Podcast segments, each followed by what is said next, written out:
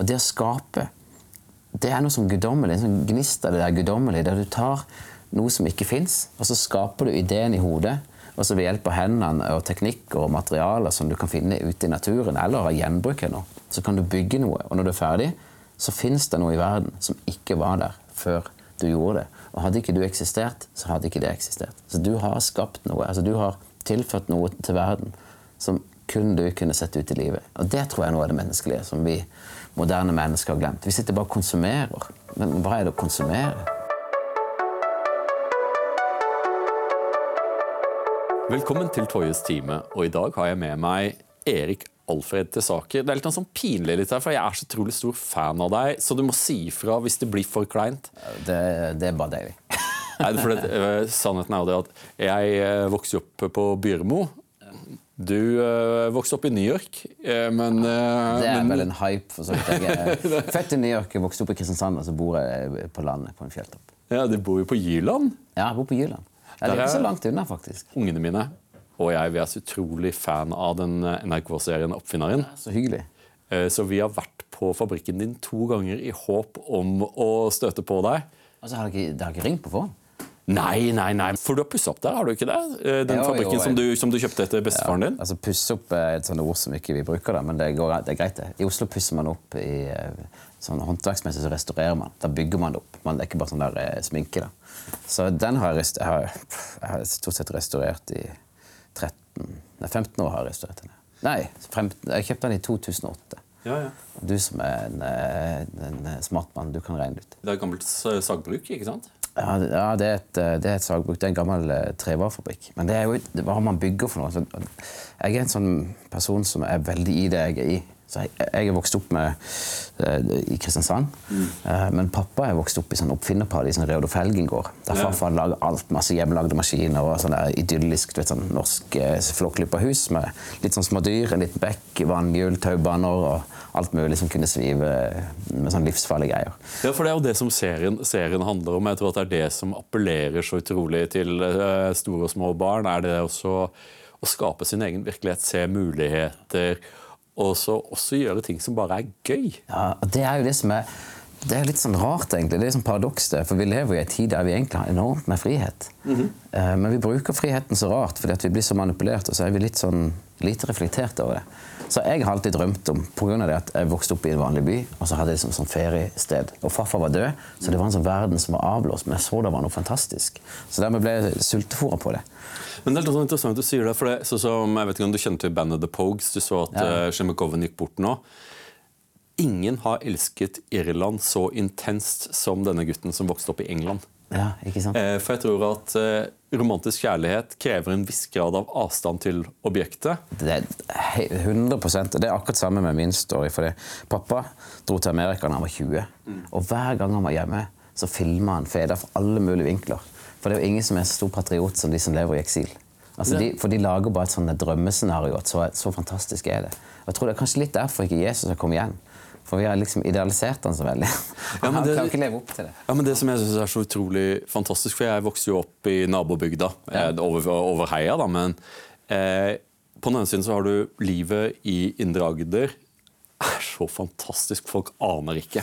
Folk Ja. Ja, aner er ikke hvor vakkert det er. Nei, det er sant. Eh, og hvor deilig det er å ha god avstand til naboen. Jordsmonnet nedi dalene er rikt. Det er så vakkert at du Ja, ja, at det er helt sant. Men så er det sånn at veldig mange egder ikke er så flinke til å liksom å, å gripe mulighetene til å kunne leve et autonomt liv og gjøre som du vil på din egen gård. Eh, Jeg tror folk, mange, mange ender opp med liksom å sitte og se på Netflix blant, bak nedtrukne gardiner. Ja. Det gjør ikke du. Eh, Nei, det kan jo jeg òg gjøre, men det tror jeg det, det du er inne på der, tror jeg er en veldig sånn, riktig greie. For det, vi mennesker vi, vi ser ting i, i kontraster. Og det er sånn at Hvis ting ikke er store nok kontrast, så legger vi ikke merke til det. Og Hvis du er vant til at alt er sånn, og du ser ingenting annet, så kommer du ikke på at det er spesielt. Og den første som oppdager det, er akkurat sånn når de sier det er sånne norske europeere eller europeere som reiste rundt som oppdagere. De oppdager de forskjellige stedene. Ja. Det var jo bare de var utenfra oppdaga at det var veldig spesielt, men de som bodde der, syntes ikke det var spesielt i det hele tatt. Og det er noe med at hvis, man- altså, H.C. Andersen har et eventyr der det bor fem erter bor i en belg. Og ertene er grønne, og belgen er grønn. Derfor tror de hele verden er grønn. Og Sånn er det vel litt å være på en plass og aldri reise ut. At du ser ikke hva som er spesielt der, for du tror alt er sånn som det. Og det er litt samme som eh, eller det, det, var min, det, var jeg heldig med, fordi vi reiste til et sted som var så annerledes hele veien. Og Derfor fikk jeg så lyst til å skape det. Og I tillegg så var jeg dobbelt heldig, eller sånn forbanna velsignelse, eller velsignelse forbannelse, med at jeg hadde en litt sånn tøff barndom. Og dermed så, så, var det ikke alt som var bra. Og det var så ille, sånn som vi om kontraster, at det ble så kontrast på det livet som jeg hadde der borte, og det jeg hadde hjemme at jeg begynte å drømme om at sånn har jeg lyst til å skape det. Det, det fins en bedre verden. Det er mulig å lage en bedre verden. Så da drømte jeg meg, Hver gang det var kjipt på skolen eller det ble banka, eller et eller annet sånt, så drømte jeg meg til det her eh, egne himmelriket som jeg hadde inni hodet. Og For hver gang så ble det bare større og mer magisk. Og til slutt så ble det så deilig at, at du klarer ikke la være å prøve å nå det. Jeg hadde egentlig motsatte, for jeg vokste jo opp i Audnedal. Og så flyttet familien min til Østlandet, og det var ikke lett. Nei, ikke? Eh, for å komme og snakke, snakke Byrmo-dialekt ja, ja. i Drøbak, det var ikke noe populært i det hele tatt. Så samme som deg, jeg hadde liksom mye tøft. Eh, og for meg så er det jo også at det samme landskapet som du nå lever i, det er liksom, det, dette er min barndomsdal. Og det er så fantastisk å reise der med ungene mine. For jeg, jeg, jeg vet hvor alle stedene er. Hvor jettegrytene er, og hvor de forfalne løene er, og de gode utkikkspunktene. Eh, og jeg får så utrolig glede av å liksom ta med barna mine til disse stedene. For det er jo noen ting som er spesielt ved dette landskapet Eh, Indre Agder er, er Norges største hemmelighet. Ja. Eh, for dette har ikke blitt industrialisert. Det er, det er litt sånn som i du vet, i 'Ringenes herre', ja. at til slutt, slutt så kommer, Sari, kommer Saruman til hobbysyssel og industrialiserer og raserer det.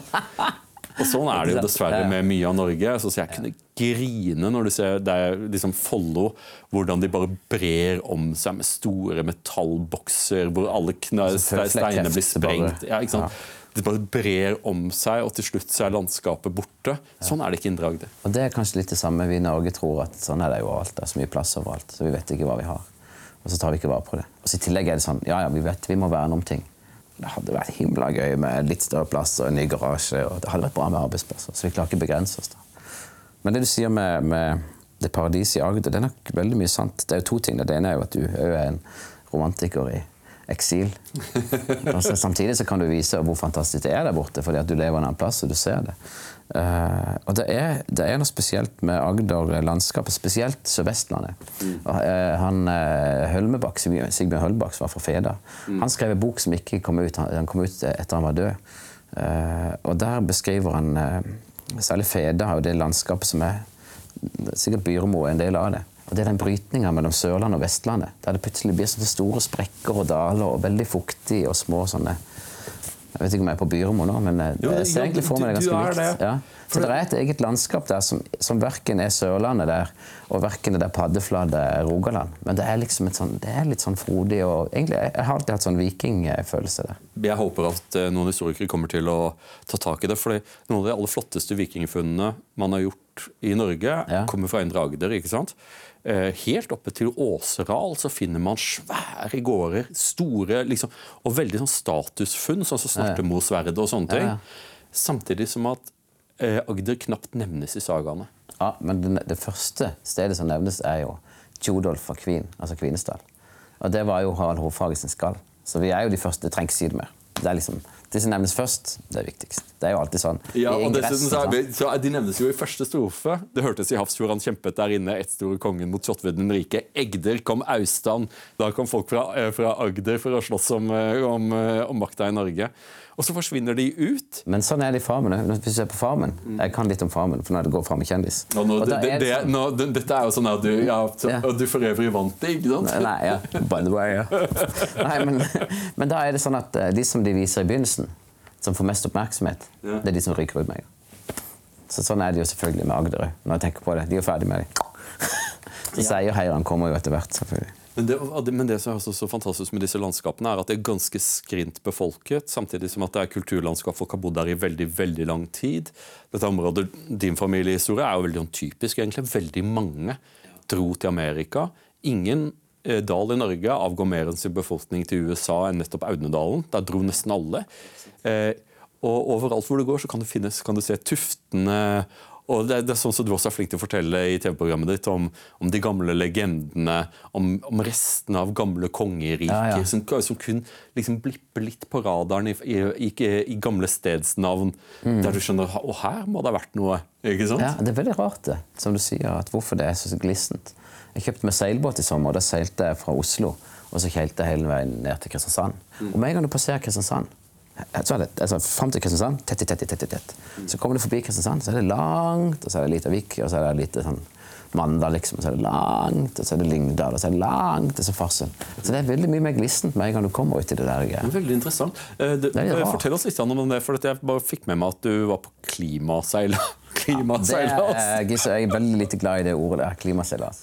Men, uh, hvorfor, var... men hvorfor kalte de det det? Nei, de kalte, de kalte Nå er jeg blitt klimaprofet. Har du blitt klimaprofet? Nei, jeg har ikke blitt det, men jeg er blitt utropt i avisene. Men du har ikke kontroll på egen historie.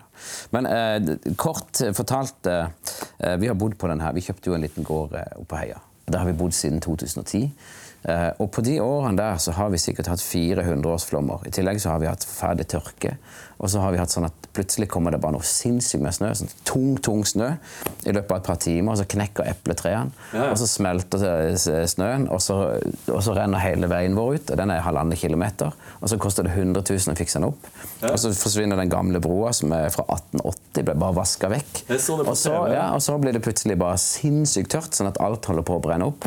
Og så når det er bare på det aller, aller tørreste, så kommer det styrtregn igjen. Og så blir det sånn store sånn krater nedover der all matjorda bare forsvinner. Og sånn har det vært hele veien. Og det blir bare verre og verre. Og jeg sier ikke at eh, det er sånn det er, men det lever vi med nå. Og eh, så satte jeg meg ned og så leste litt av forskninga på det. sånn. Altså Jeg leser på sånn FN-forskning, selvfølgelig, og så går jeg og kikker på alt som fins. For jeg har mange venner som mener at det er bare tull, og mange venner som mener at det er veldig farlig. Og jeg, de er like gode venner. Og, og, For meg så er det ikke noe problem at jeg er uenig med vennene mine. Altså Jeg er sikkert enig med 20 av mine beste venner. Det går helt fint. Men det er jo det som beriker vennskapet. Ja, ja, det er sånn det er. Men med, med, men med sosiale medier og Eh, uten å være for konspiratorisk, så tech-selskapene som lager algoritmer som gjør at hvis du får klinsj og hvis du får hat, så får du mye mer klikk, og det sprer seg mye mer. Negative saker skaper ja. flere Og da er det blitt en sånn greie at hvis du er enig, så skal man rase som om man alltid skal være enig. Det er, bare, det er en helt sånn syk idé. Jeg mener, Der man er enig, der bor man jo i et sånt diktatur og et sånt preste... Altså, det er jo forferdelig. sant? Så, altså, altså Oppmuntres ja, man til å kjempe kjempesterke meninger om ting som man knapt forstår, ja. men pga. noen som du antar at vet hva de snakker om, har sagt det, så, så føler du at du skal da ut og bære kors og sverd og ild ja, mot, mot, meningsmotstandere. Enda verre. De tar det personlig. Altså, de tar det som et personlig angrep hvis jeg sier at jeg er bekymra for klimaet. Sier jeg. jeg er bekymra for klimaet, og jeg er bekymra for matproduksjonen i Norge, har jeg sagt. For det er jeg, jeg er oppriktig bekymra. Og det er fordi du sier vi bygger ned den beste matjorda. Mm. Og nå er det sånn at De siste 15 eller 20 årene så har det en ny regel som man skal helst erstatte det.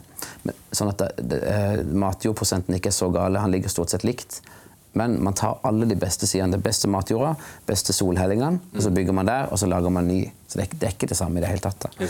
Og vi, eh, vi, er ned på eh, Forsyningsprosenten er nede på 40% eller noe sånt. Og så skulle vi satse nå i fjor. Nå skulle vi klare å få den opp. Og så datt den ned på 30. Sant? På grunn av det kom den himla Hans-flommen og så ødela alt mulig. Ja, men så er det jo sånn at Der det er veldig god matjord, bor det folk. Og så får ja, ja. befolkningssentre, så man trenger mer plass. Og så ender man opp med å asfaltere jeg tok også, jeg satt og leste eh, noen sånne tekster fra 1800-tallet da man forsøkte å kartlegge Norge. Og så, der var Det jo, liksom, det er veldig få steder i Norge hvor det er mye god matjord.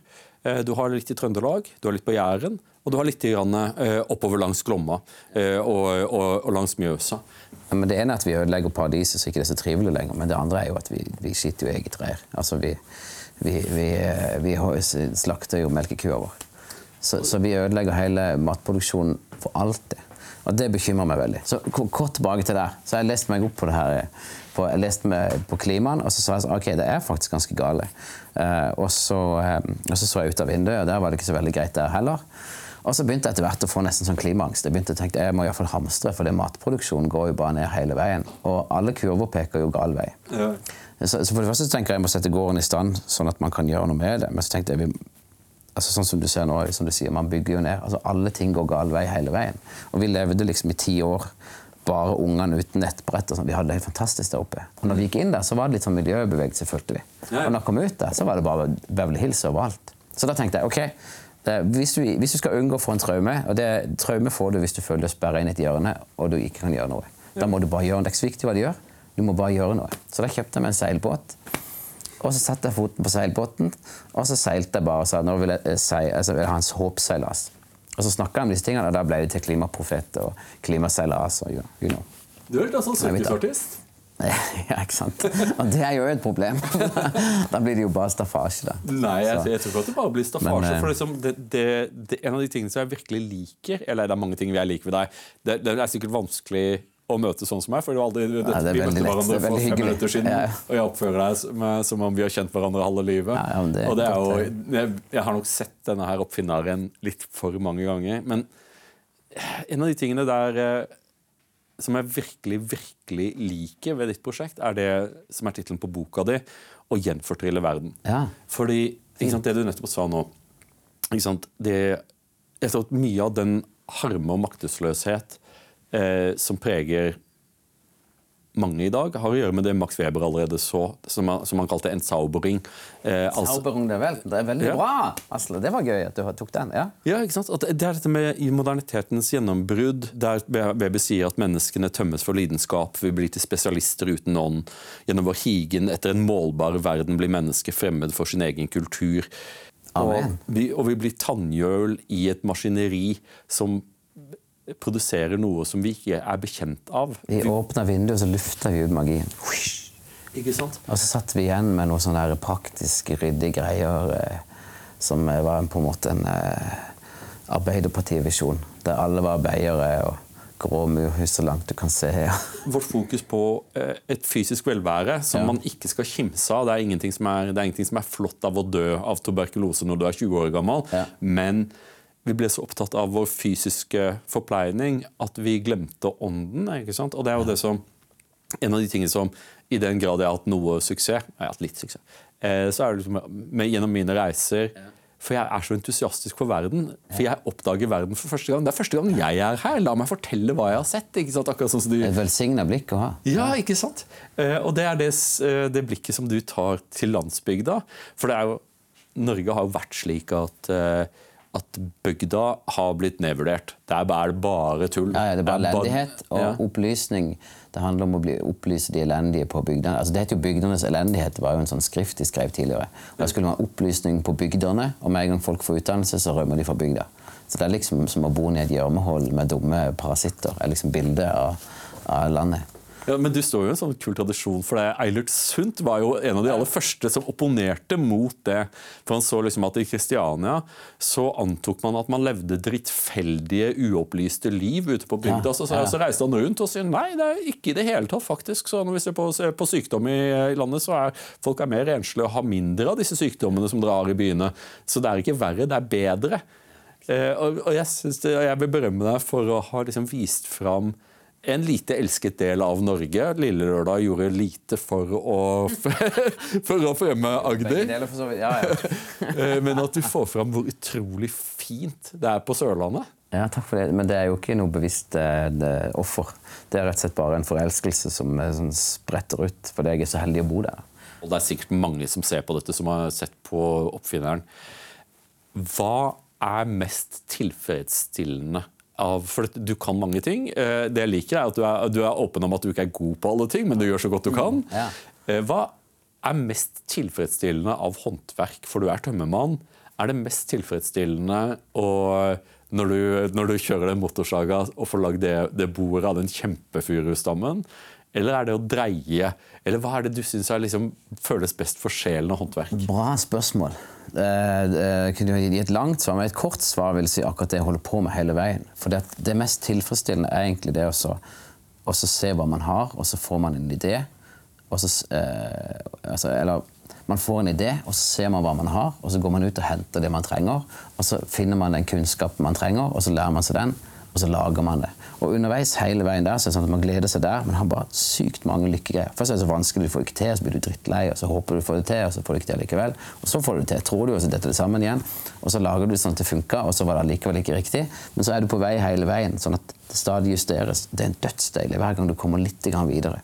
Og hadde det ikke vært den der motstanden, så hadde det ikke vært så veldig gøy etterpå. Og jo mer motstand det er, samtidig som du er i den der den proksimale læringssone, som Piaget sier i pedagogikken. Mm. At du er midt imellom det som er for vanskelig og for lett. det er akkurat det midt i der. Da har du dødsgøy. Så, så, jo lenger man kan være der, samtidig som man hele veien kommer videre, det er det gøyeste. Ja. Eh... Og så er det gøy når det er ferdig, selvfølgelig. Da må jeg alltid se på det. alltid sånn at Når jeg maler det, så klarer jeg ikke å vente til malingen er tørka. Så blir det sånn klassete. Sånn. For det er sykt gøy å bare måtte se på det hele tida. Og hvis, og hvis jeg har brukt altfor mye tid, det gjør jeg alltid, for å bruke alltid all tida som er, sånn at hvis det er ett minutt igjen til vi skal springe i juleselskap, så holder jeg på da så får jeg ikke tid til å få sett på det etterpå. Og det er liksom det, da blir jeg så snurt. For det er liksom en sånn salighet der du har, du har fått en visjon i hodet som er akkurat som du får sånn budskap fra en eller annen gud. Du ser en sånn tåkete greier, og så hiver man seg på i et sånn kaos av et byggeprosjekt som er bare fullt av lidenskap og nederlag og opptur.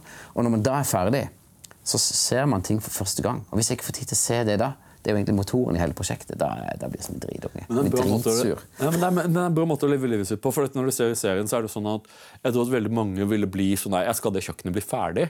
Eh, for det bygger kjøkken. Og så Du har så utrolig glede over en hylle som er blitt ferdig. Liksom, det er en enorm liksom, at det ble det skal være akkurat sånn, ja. og så blir det sånn, og så, du, liksom, og så står du i en branntomt av et uferdig kjøkken ja. og gleder deg så himla over den hylla, eller hva. Ja, er det slitsomt å være gift med deg? Det er et helvete. jeg har ikke gjort det så veldig lett for men jeg har gjort det veldig gøy. Det er ikke alltid å si gøy heller, da. Men det er litt av filosofien vår. da. At vi hiver oss ut i kaos. Men, men det er jo en greie. Hvis man bare er på vei mot det ferdige hele tida, så bommer man. For da går man bare og lider seg gjennom et langt, langt, langt løp før man har det ferdig. Mens veldig mye av livet er jo der. Altså, det tar jo mange år å bygge noe sånt som det. Og Hvis du skal bare lide deg fram til det, og så skal du sitte på laurbærene, så, så, kaster man det vekk. Man kan daue. Og det man òg oppdager når man er ferdig, det er at alt er bare tomhet. Det der visjonen om at alt var så deilig å sitte ned. Man orker ikke sitte ned. for man, Hvis du skal være i noe, så må du interagere. Du kan ikke bare sitte og se på det. Da, da, har du ikke noe sånn, da er du ikke i det. Så for å være i det huset, så må jeg nesten jobbe i det. Da, da kommer du nær det. Ja, men Er ikke det et bilde egentlig på moderniteten? For det vi, verden vi arvet, da, ja. denne, higen etter materiell velstand ja. eh, Stakkars rike pike-problemet. Ja. Altså at du, du, har fått allting opp i hendene, med en gang. og så sitter du der gang, da, i din store leilighet som er fint i, og, har, og, har, alt, og så lurer du på hvorfor er jeg ikke lykkelig. Fordi lykken ligger i striden. Det, det er jo eh, Hold flid og fred, arbeid og bed, som, ja. som det var brodert på, eh, på, ja. på løperen ditt hjemme, hjemme på Byremo. Ja, ikke sant? Wow. De visste det allerede da, men det er helt sant. Ja, men folk visste jo det at eh, lykken ligger i å arbeide, og det blir bare bedre hvis du kan, kan skape noen ting. Eh, dette er jo Heidegger skriver om dette i Sign on Sight. ikke sant? Det der, at liksom, Lykken er mannen som lager en stol.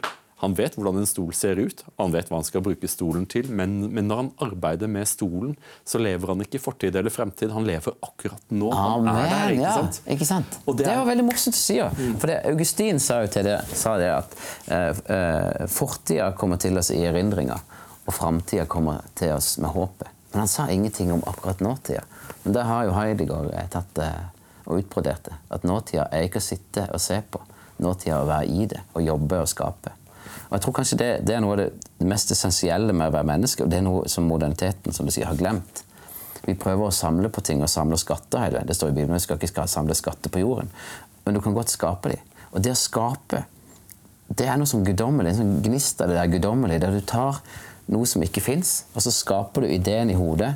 Og så ved hjelp av hendene og teknikker og materialer som du kan finne ute i naturen, eller av gjenbruk, så kan du bygge noe. Og når du er ferdig, så fins det noe i verden som ikke var der før du gjorde det. Og hadde ikke du eksistert, så hadde ikke det eksistert. Så du har skapt noe. altså Du har tilført noe til verden som kun du kunne sett ut i livet. Og det tror jeg er noe av det menneskelige som vi moderne mennesker har glemt. Vi sitter bare og konsumerer. Men hva er det å konsumere?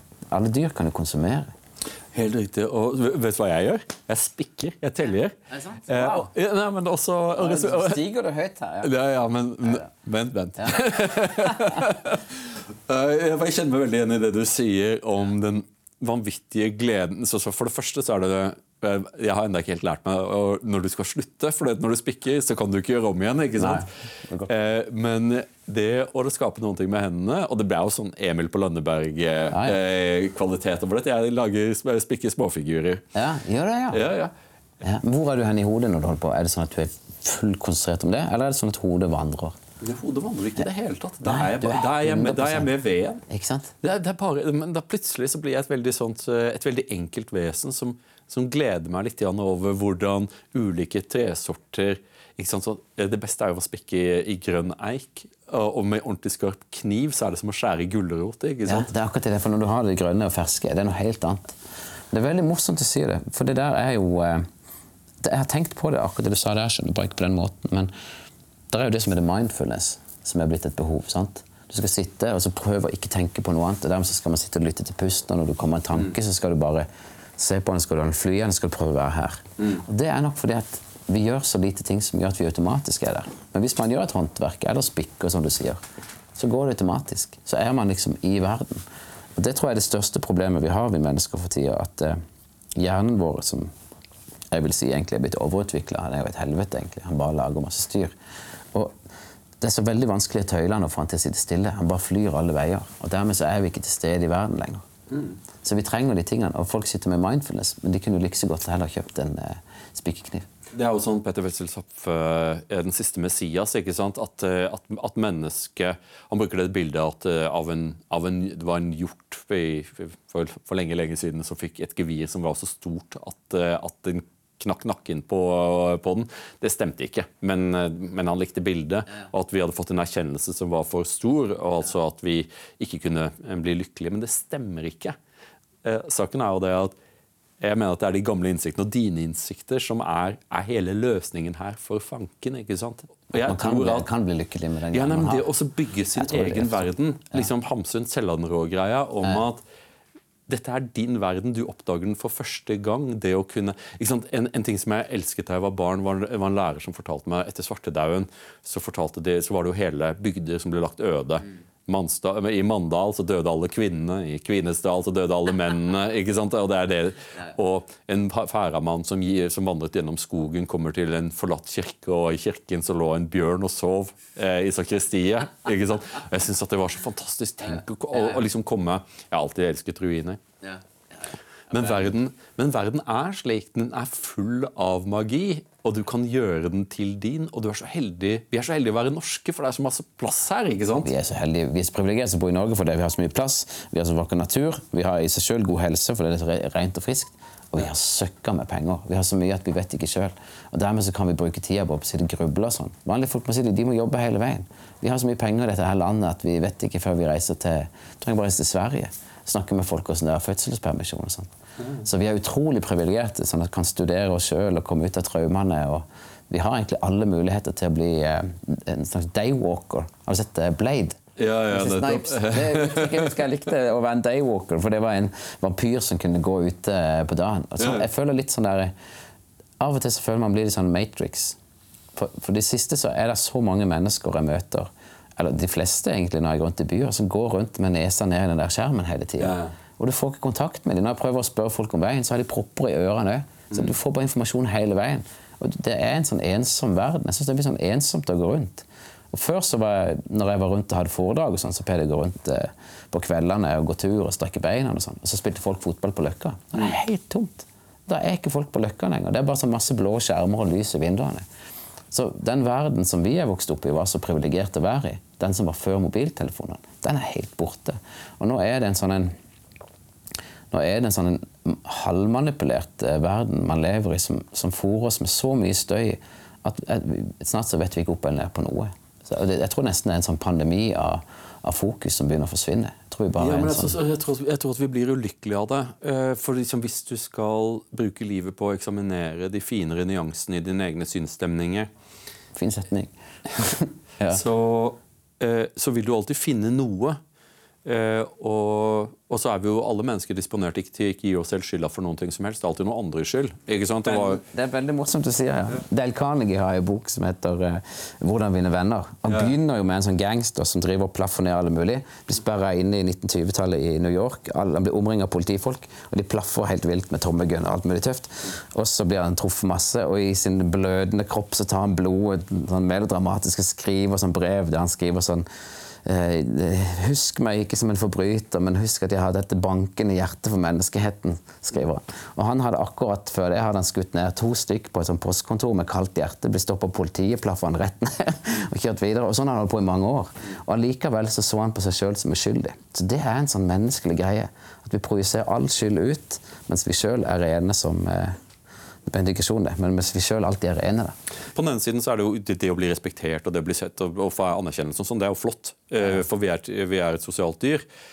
Eh, Men det ligger en annen innsikt i at, at sjelefred gjennom da det å, å arbeide, det å skape, det å eh, Kanskje ikke det ble det aller beste tørkestativet, det du bygde, eh, men det er ditt.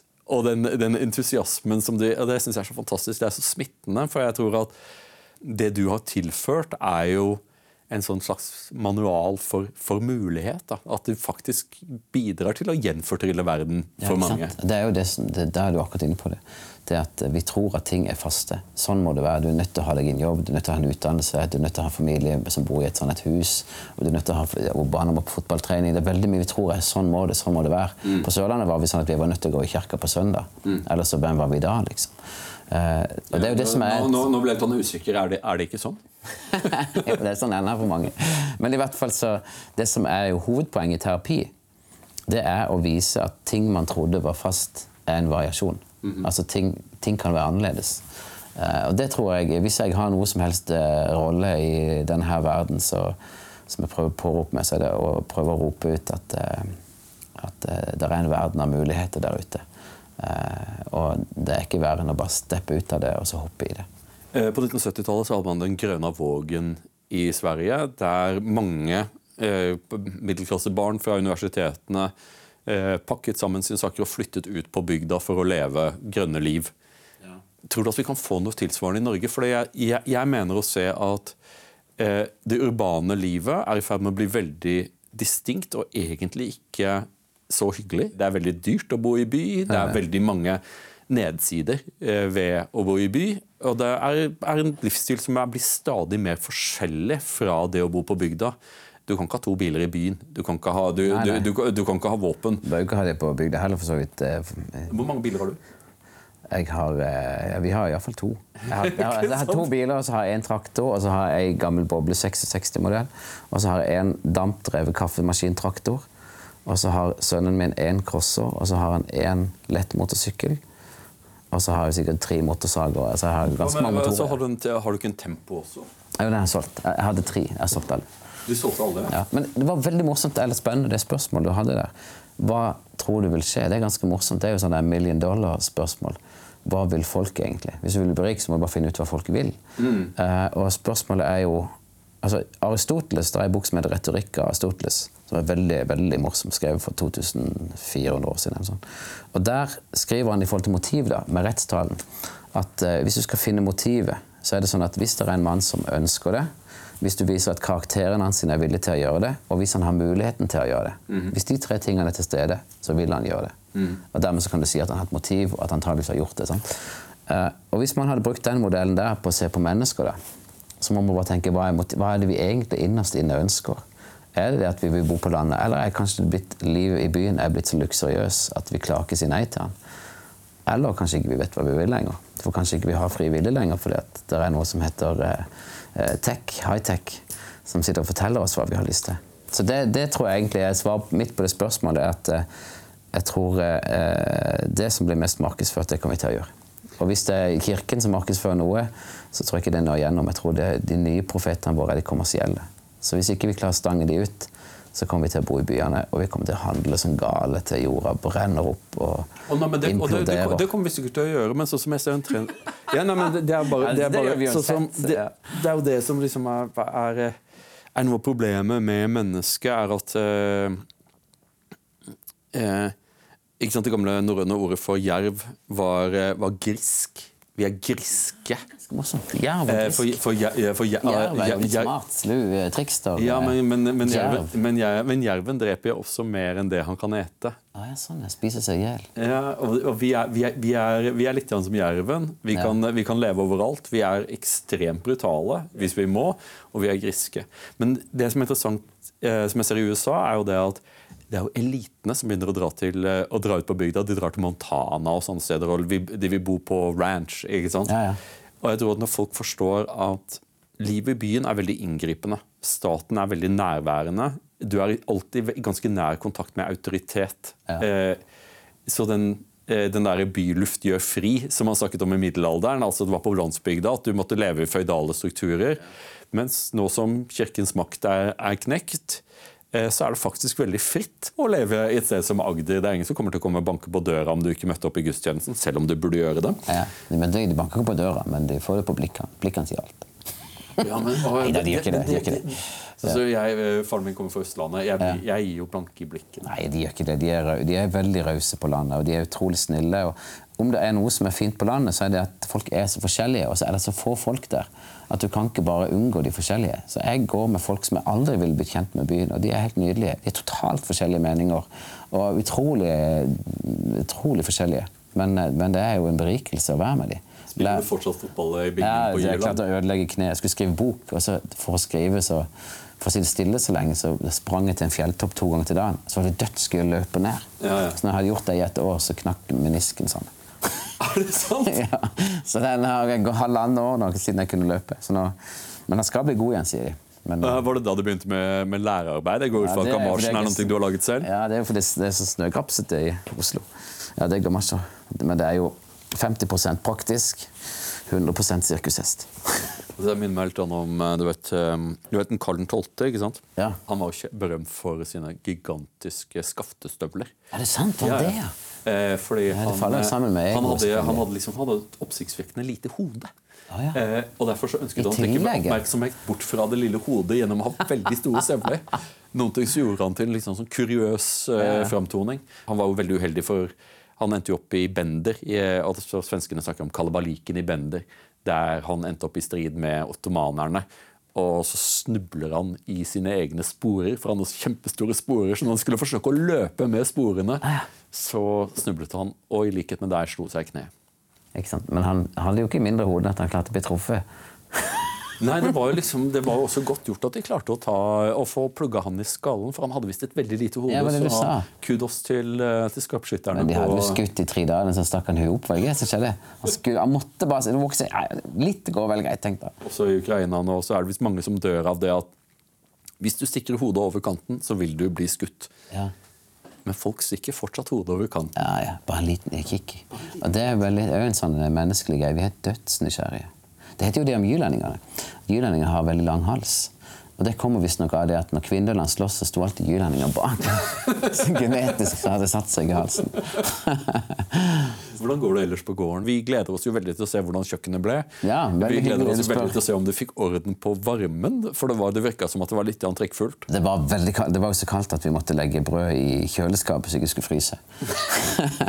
For det kaldeste, så det Men ja, det er i orden og sånn. Men eh, om det blir ny sesong, eh, tja, vi får se. Jeg det, ble ganske forsynt en stund. Jeg lagde ti nye episoder faktisk til Salaby, men det er til skolen. da, Oppfinnerskole. Så det er det nærmeste du kan komme oppfinneren. Oppfinnerskolen på, til alle barneskolene i Norge. Men eh, ellers hadde vi noe på gang rett før eh, pandemien. Men så stranda det i tolvte time når eh, landet ble stengt ned og alle sponsorene mistet alle pengene. Ok, Så er det, så er sponsoren. Det er ikke, for dette må også oppleves som invaderende for familien. Det kan ikke være helt lett å leve et familieliv med, med kamera, for det er jo et element av reality, selv om jeg forstår at dere redigerer og Ja, forsøker det- å holde det fokus på ja. det dere skal fortelle, og ikke alt det dere ikke skal Ikke fortelle. sant? Det er jo en dragkamp. eh, Og jeg pitcha jo inn serien til NRK, og da var det helt uten familie. Og så lagde vi et kompromiss der familiene var litt med, sånn at ikke det ble bare håndverk. Og det var sikkert lurt, da. Men det har jo sin pris å filme annenhver uke i fire år, så da eh, Vi var godt forsynt etterpå. Og det som er fordelen, er jo det at når vi har konfirmasjon, og sånn, så har vi veldig god film å vise.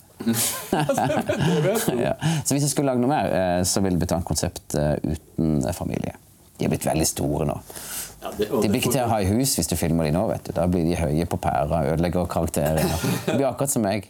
ja, ja, nei, men også tror jeg også at uh, Der har vi noe til felles. Liksom, som, som semi la oss, jeg, i Meg som C-kjendis og deg som A-kjendis. Nei, jeg er ikke A-kjendis, men ja. Eh, vi må også huske at eh, det er ingen som har valgt å bli barna våre. Eh, og være, litt voksen på det at det også trekke inn familie som rekvisitter, det har en pris for dem også. Så jeg, nei, Ja, ja. jeg syns det høres voksent ut. Og dessuten så jeg, må si som, som din fan nummer én, jeg elsker jo mest Det er håndverksgreiene. hyggelig. Ja, det er jo veldig hyggelig å høre. Det, det blir jeg mest glad for å høre.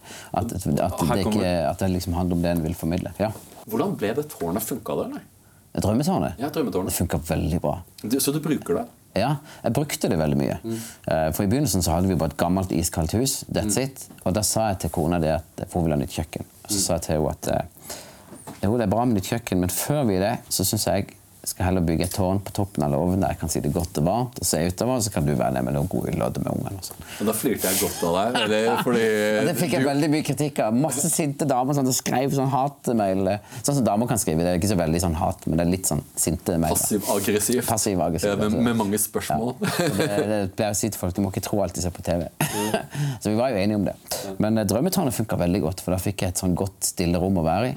Og ikke minst så hadde jeg jo ikke hatt telefon eh, når vi flytta opp der.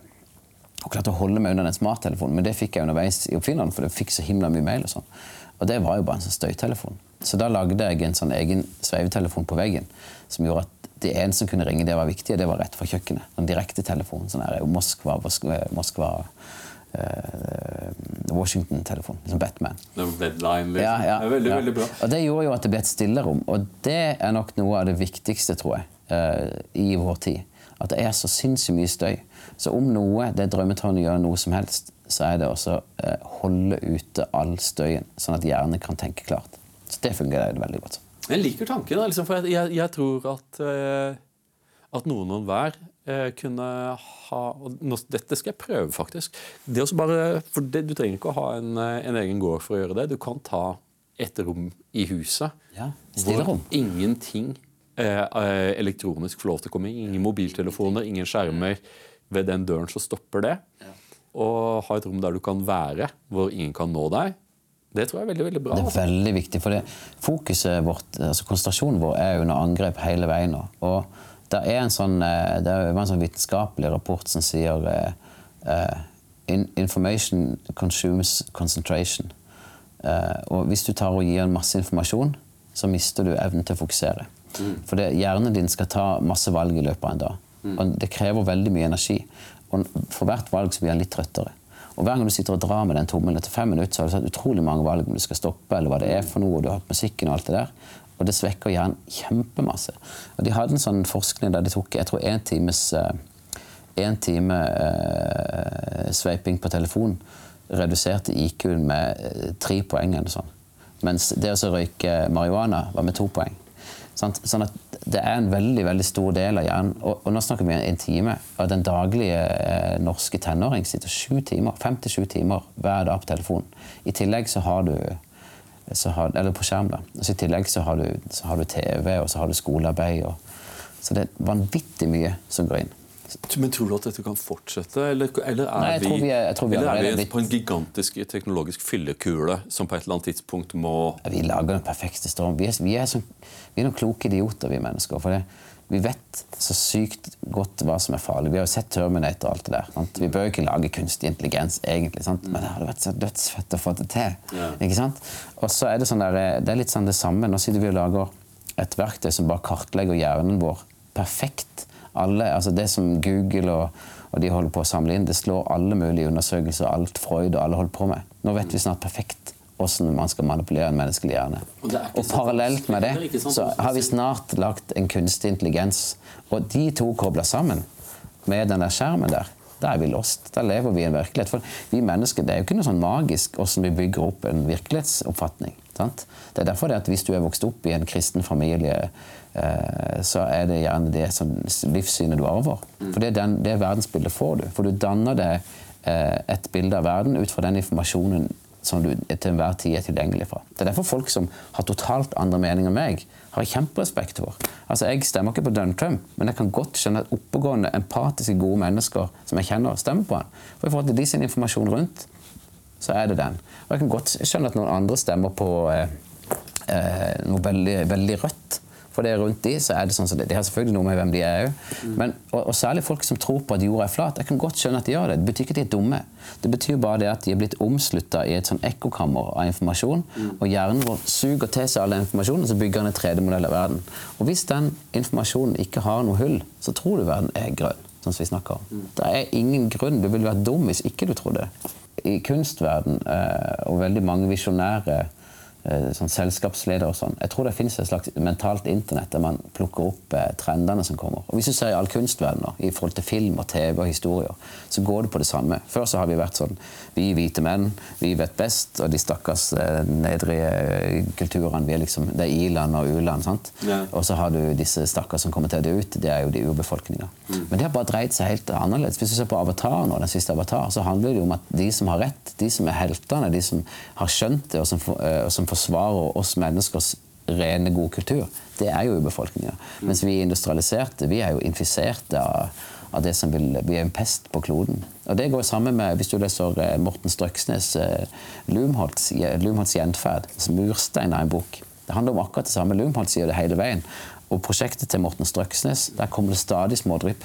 Der han stiller spørsmål hva er det vi holder på med i forhold til det vakre som finnes der ute. Er det et framskritt det vi holder på med, eller er det bare en utvikling som vi ikke har valgt å ta stilling til? Det var så pinlig. Jeg møtte Støksnes på, uh, i, i Ja. Eh, han var og presenterte boka, jeg ble helt fjetret. ikke sant? Eh, så ville jeg jo veldig gjerne snakke med ham om boka, men så hadde jeg ikke lest boka. Ja. Så jeg møtte ham på flyplassen. Så det ble en veldig sånn, litt sånn kinkig samtale. For at eh, åpenbart når du har skrevet en bok, så håper du jo at andre skal lese den. Mens jeg kom jo til dette som, sånn, som et barn. Ja. Han var så utrolig hyggelig og imøtekommende. Han er det. et par ganger. Kjempefint. Kjempefin. Men mye hyggeligere enn det jeg egentlig hadde rett til å forvente. Det er, det er litt sånn frekt å komme og fritte ut noen om liksom det er sånn, Kan du ikke heller lese boka istedenfor å spørre meg? Men, Ja, ja, men det er en utrolig hyggelig fyr. altså. Ja, jeg er veldig flink. Og jeg ble jo fan av han etter han skrev Havboka, Ja, ja. som, som ble veldig populær. Og den er så fin fordi at han er skrevet så perfekt, for du har bare et sånn reisenarrativ der de jakter på den herre eh, Grønlandsvollen, var det det? Nei, ja, det kunne vært denne, men de jakter på en eh, Jeg glemmer alltid hva han heter. En stor fisk. Og så eh, underveis så bruker han det bare som en veldig enkel linær historie. Og så tar han bare sånne små sidespann. Litt sånn Knausgård. Tar bare sånn himmelske høye sprett der du bare får sånn magiske greier. Men det er han, han tar heller dypdykk ned i havet og ser på fiskene. Og sånn. Og så blir bare alt relevant, og dermed så følger du med, og så kommer det bare sånne fantastiske ting. Og så er han tilbake igjen på havet. Så det er en utrolig lesbar bok. En annen bok eh, som jeg vil anbefale deg i den sjangeren som virkelig har påvirket meg, heter The Golden Spruce av John Valent, canadier. Oh, ja, så det The Golden Spruce. The Golden Spruce, altså den gylne furua. Eh, For eh, i, på, nei, på Stillehavskysten så finnes det gigantiske regnskoger. Eh, borealiske, altså arktiske regnskoger, hvor de har disse kjempetrærne. Eh, og selvfølgelig så flathogde de alt sammen, og det gjør de fremdeles. Men så fant de én som hadde en genetisk variasjon der den var gyllen, den var ikke grønn. Så den lot de forstå, eh, forstå. Og så er det naturverner som drar og hugger den ned. Eh, og det blir jo sett på som den største kriminelle handlingen noensinne. Folk blir jo rasende. Ja, ja. Og det var poenget hans. Fordi han mente at de hadde latt denne ene stå som et surrogat for den reelle skogen, samtidig som at man flathugde. Og det er litt sånn moderniteten er. Ja. At vi beholder symbolet, Ja. men ikke hva det skulle symbolisere. Veldig. Det var, det, det var en sånn bok som For her var det, det utrolig varmt også med en person som har mange personlige Er det fiksjon eller dokumentar? Nei, nei, dette er en dokumentarbok. Åh, det er jo til å grine òg, at de to de, de tre Ja. de, to, de to jo den svære, fine eika i The Wall of Hadrian i England. Som går ned som sånn liksom dal. sant? Men, men samtidig så Jeg er veldig dratt begge veier. For jeg er jo enig i at vi må snart stoppe opp og gjøre noe med det vi holder på med. For det, vi ødelegger jo vårt eget livsgrunnlag. Og verden kan jo være fantastisk. Vi har liksom alle ressurser til å skape paradis på jord. Og Ja, eh, Dostojevskij sa jo det at eh, det, eh, det sosialistiske prosjekt eh, er, som, er som et omvendt Babels tårn. Ikke for å komme opp til himmelen, men for å ta himmelen ned på jorda. Og Hvis en hadde sett på det som prosjektet vårt jeg mener Vi har fått dekka alt det andre. Vi har fått ordnet sånn at vi har vaksiner, og vi, eh, vaksiner er jo et vanskelig spørsmål. Men vi har jo velstand, og vi kan sove, og vi har nok mat og alle de tingene. Nå tror jeg det er på tide å skape det der paradiset. Ta det estetisk godt. Hvorfor bygger vi ikke byer der det er omgitt av vakre, frodige skoger og gress på taket, eller hus som går ned i bakken? eller Hvorfor kan vi ikke litt sånn, lage litt sånn magisk verden? Litt sånn, eh, litt sånn viktoriansk estetikk, litt sånn luftskipestetikk. Ja, Den verden som aldri ble, som Knausgård skrev. Men du jeg, eh, du er jo sånn arts and crafts-type. Jeg er jo enig i det. Hvorfor ikke gjøre alt? Men jeg elsker det moderne. Jeg elsker glass og jeg elsker komfort. Jeg syns det er fantastisk med, med det som er moderne. Det jeg hater med det moderne, det er at man bruker materialer for å lage en estetikk som er vakre og nydelige med en gang de er lagd. Og med en gang de får en skrape, så må de kastes. Jeg er veldig for at man bruker materialer som tåler slitasje, og dermed blir fine. Altså, Tette, gode furugulv. Du kan gå på de hundrevis av år. De blir bare finere og finere. Tømmervegger kan du bare ta og slå en spigger i, trekke ut. Det blir bare finere. Og ko- koppertak for, forandrer Ja, nyanser over, Ja, ja. over, over hundreårene. Så får de ulike farger forandrer gradvis, gradvis. He, helt enig med deg. Og det er jo sånn at alt, når man bygger arkitektur ut ifra to hensyn, altså byggekostnader eh, og, plass, og utnytte så mye plass som overhodet mulig, så vil du få det du ser i Bjørvika. Eh, og Bjørvika ser ut som at det var Sovjetunionen som, hadde den kalde krigen. Det skal jeg ikke uttale meg om. Jeg har ikke sett så nøye der, men Nei, men, det, men saken er at det er, det er umenneskelig. Propors proporsjonene er umenneskelige. Mens vi har glemt alt det vi På 1800-tallet så visste man hvordan man gjennom arkitektoniske detaljer Selv om det skulle være stort, så kunne det få, gi, gi ting menneskelige proporsjoner og, få, og, og gjøre mennesket mennesket til en del eh, som kan interagere med arkitekturen veldig godt poeng. livet på bygda, sånn som du har valgt, da, eh, kan muliggjøre. For du sier ja, men vi har jo alt det, liksom allting vi trenger. Mens jeg tror at en del av lykken ligger i og dette er noe som jeg innsett først når jeg ble altfor gammel, da, er at du kan turne i Maslows behovspyramide. Du trenger ikke å sitte på toppen med liksom fullt kjøleskap og ingen, ingen jobber som trengs å gjøres. Du kan utsette deg selv for tvang og nød. Det beste måltidet jeg har spist i mitt liv, det var da jeg var skikkelig sulten. Den det beste- til Brimi. det. Han sier det at eh, det er begrensa hvor godt mat kan smake. Derfor pøser han på med sånn naturlige omgivelser rundt det. Fordi at smaken er en del av, av det som er rundt. Nei, ellers så må vi slå oss sammen i sånn communities, men det har vi ikke lyst til, for vi tror det er at lykken er å være ensom og eie alt sjøl. Det er kanskje det største problemet tror jeg, til moderne livsstil. At alle skal ha hver sin snøfreser, og vi sitter og burer hverandre inne, så er vi livredde for at noen skal ta det vi har. Men lykken er å dele. Lykken er å gi. Og det er ingen som blir fattig av å gi, tror jeg. Så jeg, jeg tror eh, jeg tror Et av de største tapene vi har hatt i moderne kultur, det er at vi er blitt så individualistiske at vi sitter ensomme i hver vår kalde slott og skuler på de andre. Det er vel oppe i Marnardal, eller er det eller høyere, høyere oppe i, så har de jo et sånn der liberalistisk, libertariansk eh, De har prosjekt. community, ja, sånn der Ja, ja. økolandsby. Ja, så, ja, sånn økolandsby der de som er eh, egen republikk og liksom lever helt Der de folk på bygger ja. opp sine små hus for å kunne leve hinsides. Eh, vel, de går imot alle andre erfaringer vi har gjort oss med sånne utopiske prosjekter. Jeg har jo en del erfaring med det hvis du bare kaller det for menigheter. Og eh, all erfaring der viser jo at hvis du får litt for mye sånn livets ord og, og sånn med, med mye makt eh, på få hender, der de forteller virkeligheten og har direkte fra Gud, så går makt veldig fort til hodet på folk. Eh, så det er jo klart det er en fare på sånne steder. For det, det er veldig lite avstand mellom, mellom eh, en økolandsby og en annen religion. Det blir sånne religiøse sannheter. da. Så jeg har veldig tro på det. Jeg synes det er veldig fint. Men, men eh, eh, flower power eh, viser seg òg å trenge litt reguleringer. Altså, anarki fungerer ikke helt fordi at vi mennesker eh, er litt forskjellige. og Noen er litt mer glad i makt enn andre, og noen er litt mer kyniske enn andre. og Hvis ikke det reguleres, eh, så havner alt på et par hender til slutt. du er født i New York, du vokste opp i Kristiansand og finner friheten på Jylland. Det er, det er jo liksom paradoksalt også, for det, du dro jo til det stedet som skulle, ifølge da eh, Received Wisdom, være det mest ufrie og dummeste stedet Ja, ja. i Norge. Indre Agder, intet mindre. ikke sant? Ja. Men det er jo en slags, der det er mye frihet i et godt fellesskap. da. Og det er jo sånn at Bare det at man bor i et, et velfungerende lite samfunn, gjør at man som gammel for eksempel, kan bo hjemme. for det at alle ser etter om det er fyr i pipa til Sigbjørn. Og Hvis ikke det er fyr i pipa, så ringer man og så springer man bort. Og Det samme hvis det skjer noe trist i den ene familien, eh, og folk vet det er vanskelig, og kanskje man ikke har språk, og sånn, men da kjører man bort og så lager man middag og gir dem brød. Eller, det er veldig veldig fint samhold eh, på landsbygda. Eh, fordi at man, man, det er vanskelig å stikke seg vekk På godt og vondt, da. På godt men, men særlig på godt er det vanskelig å stikke seg vekk. Og dermed så, så bryr man seg eh, man, man ser det. Altså, det Levina sier jo det at eh, du må ikke skjule det menneskelige ansikt, for da forsvinner empatien. Og det er nok lettere eh, å se den andres ansikt på landet. For du kommer så tett på hverandre. Når du går på en vei og møter en annen mann, og det er den eneste mann som går der, så ser du han. Hvis du går i byen og det er tusen ansikter hele veien, så kan du ikke se at hun går rundt og er lei seg.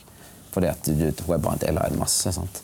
Så det, det, vil jeg kanskje si er det noe av det fineste på landet. At man, man kan ikke unngå å, å bry seg. Vi er ikke skapt for å ha vennskapelige forbindelser med tusener av andre. Vi har ikke, vi har ikke båndvidde til det.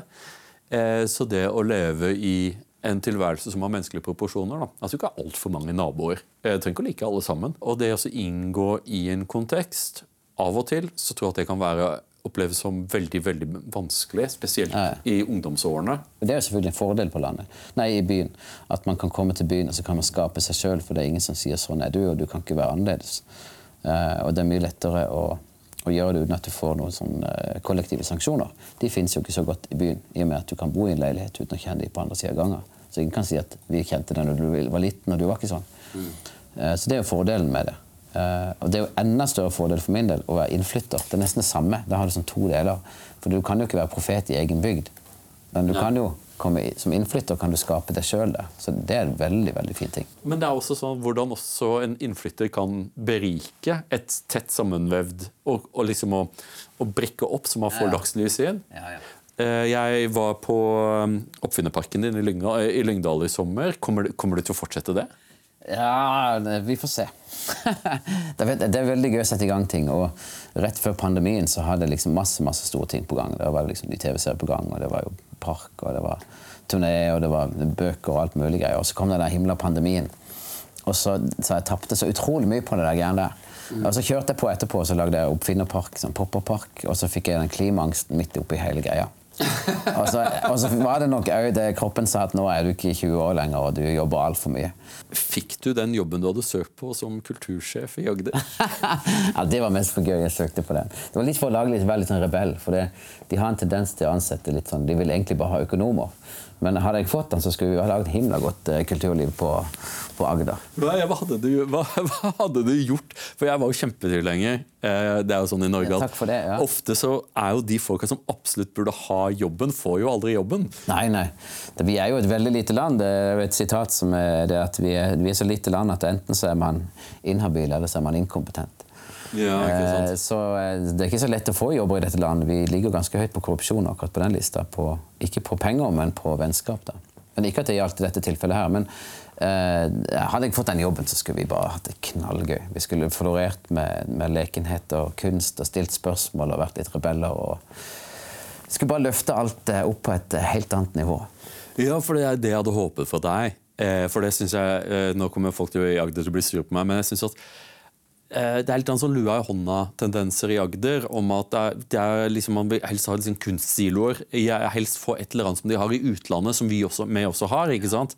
Istedenfor å løfte fram det som er så fantastisk ved Agder. Liksom, man burde, jo, ja, man burde ja. jo feire den fantastiske kulturen, sånn som Eilert Sundt. Eh, har du lest bøkene til Eilert Sundt? De veldig sympatiske bøkene. Ja, eh, utrolig, de er helt fantastiske. Han har jo bl.a. Eh, håndverket på bygdene, han har sedeligheten på bygdene. Den er veldig morsom.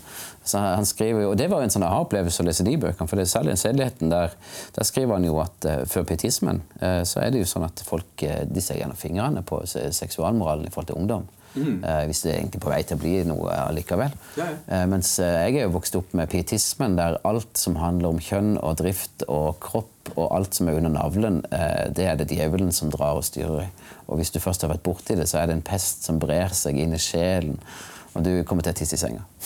Oh, ja. ja, altså det er på det nivået der, liksom. Jeg hadde inntrykk av at vi lever i en sånn Tinder-økonomi, et gigantisk kjøttmarked. Ja, nå er det jo en annen tid med det jeg er vokst opp med. Så det, det er veldig morsomt å vite og, og oppdage at, eh, at det kommer pietismen. Og jeg fant også ut at bryllupet til farmor og farfar det var det første på Feda, eh, som er Kvinesdal, eh, uten alkohol. Så kort tid er det der alkohol-fy-fy-skammen som jeg er vokst opp med, har eksistert. Før det så var det vanlig. Så farfar pleide å brygge øl, sa pappa. Da sa alltid farmor du, det der ølet ditt Oh, oh ja. Ja, så det, og det, for meg så er det bare bildet på at, at det kommer eh, ting, eh, det kommer nye kulturer, og så bestemmer man bare veldig fort. Det er litt sånn der eh, keiserens nye klær. Sånn er det. Og vi vet egentlig at det er just å komme, men vi later som det bare alltid har vært. Og det forteller vi ungene våre at sånn er det. Og vi vet best, og hele verden burde visst det på denne måten. Men det er jo en sånn der, det er en sånn, eh, For det hele verden er grønn. hele, verden, hele verden er grønn, og vi lever jo i en sånn her veldig merkelig motsetningsfull tid, som er på den ene siden pietistisk og på den andre siden dekadent. Så, så du har på den ene siden så- du, du, har, du har Tinder, og du har metoo. Eh, og Ja, Metoo er jo en del av woke, og jeg tenker jo at woke er egentlig bare en reaksjon på at eh, altså Det er de eneste de prøver hele veien, det er å ikke havne i trøbbel. Jeg, jeg har full respekt for at man tar opp det med kjønn. Jeg, har masse homofile venner. altså Alt jeg driver med, er jo i den verden der. Eh, og jeg elsker de menneskene. Og jeg mener, det er til å gråte hver gang et menneske ikke får lov til å leve ut den man er. Men det som jeg syns er problematisk med metoo, det er at det sitter noen, eh, det sitter noen rike vestkantfolk i et land som heter Norge. Altså, vi er jo privilegerte. Og så finner vi en eller annen ting som ikke berører oss overhodet. For vi trenger ikke tenke på, på forbruk eller klima eller noe, eh, at vi egentlig er kulturimperialister, eller at vi har barn som jobber for oss for å sy klærne våre. Det rører vi ikke. Men vi finner én ting som ikke har noen ting med oss. Vi trenger ikke løfte en finger. Og så, og så sier vi vi heier på dere, og hvis noen rører dere, så skal vi ta dem uansett hva de sier. Man sitter bare der og er veldig sånn historieløse, og så er det det er akkurat som vi skal bare skrike på de tingene der, fordi da er det ingen som ser alt det andre gale vi gjør. Og så er det jo som du, altså, det er jo helt uten lov og dom. Altså Alle rettsprinsipper blir satt til side. For du skal egentlig være eh, Du er uskyldig inntil det motsatte er bevist. Her er det det som kalles for brønnpissing, som er innført av Sigbjørn Hødenbakk for Feda. Det vil si at du kan, eh, du kan bare pisse i brønnen. Eh, og hvis har, noen har pissa i brønnen din, så, så er det noe som stinker der nede. Og det gjør det ikke uten grunn. Det er akkurat som de sier. Det er en grunn til at reven er hvit på halen, sier de. Og det er fordi at noen har hevet fløte etter han. Og det sier de med et rykte. Og hvis det er et rykte, så er det en grunn til det. Men det er bare tull. Det er bare noe piss. For hvis du vil ta noen, så kan du bare sende ut et rykte. Så du, det er overhodet ikke noen grunn til å tro på et rykte. For det kan være sant, og det kan være ikke sant. Og det er ingenting som sier det ene eller det andre er riktig. Ja, så tror jeg at eh, det, det var vel noen fra Oslo som sa det at eh, når, du, når du har mistet ditt gode navn og riktig, finner du ut at du kan gå, og leve godt uten. Ja. Eh, jeg tror at vi bryr oss litt for mye om hva andre måtte mene. For det er også viktig å huske at du får bare ett liv. Du velger selv hvordan du skal leve det. Og jeg syns at det du har vist, er én måte, ikke riktig for alle, men riktig for deg, eh, for hvordan man kan leve et utmerket liv, et spennende liv. Og jeg vil takke deg for at du har bidratt til å gjenfortrylle verden. Du har virkelig hjulpet meg med å forsøke å kommunisere noen ting jeg har forsøkt å si til barna mine. Eh, Men de hører jo ikke på faren sin, men de hører på deg. Det er veldig hyggelig å si. Vi, må huske vi er født til frihet. Det er vel det viktigste. Veldig veldig hyggelig å være her og få hilse på deg og spre det glade budskap om å sprenge grenser og tråkke på tærne til autoriteter. Erik Alfred Tesaker, takk for at du kom til Torjus time. Takk skal du ha.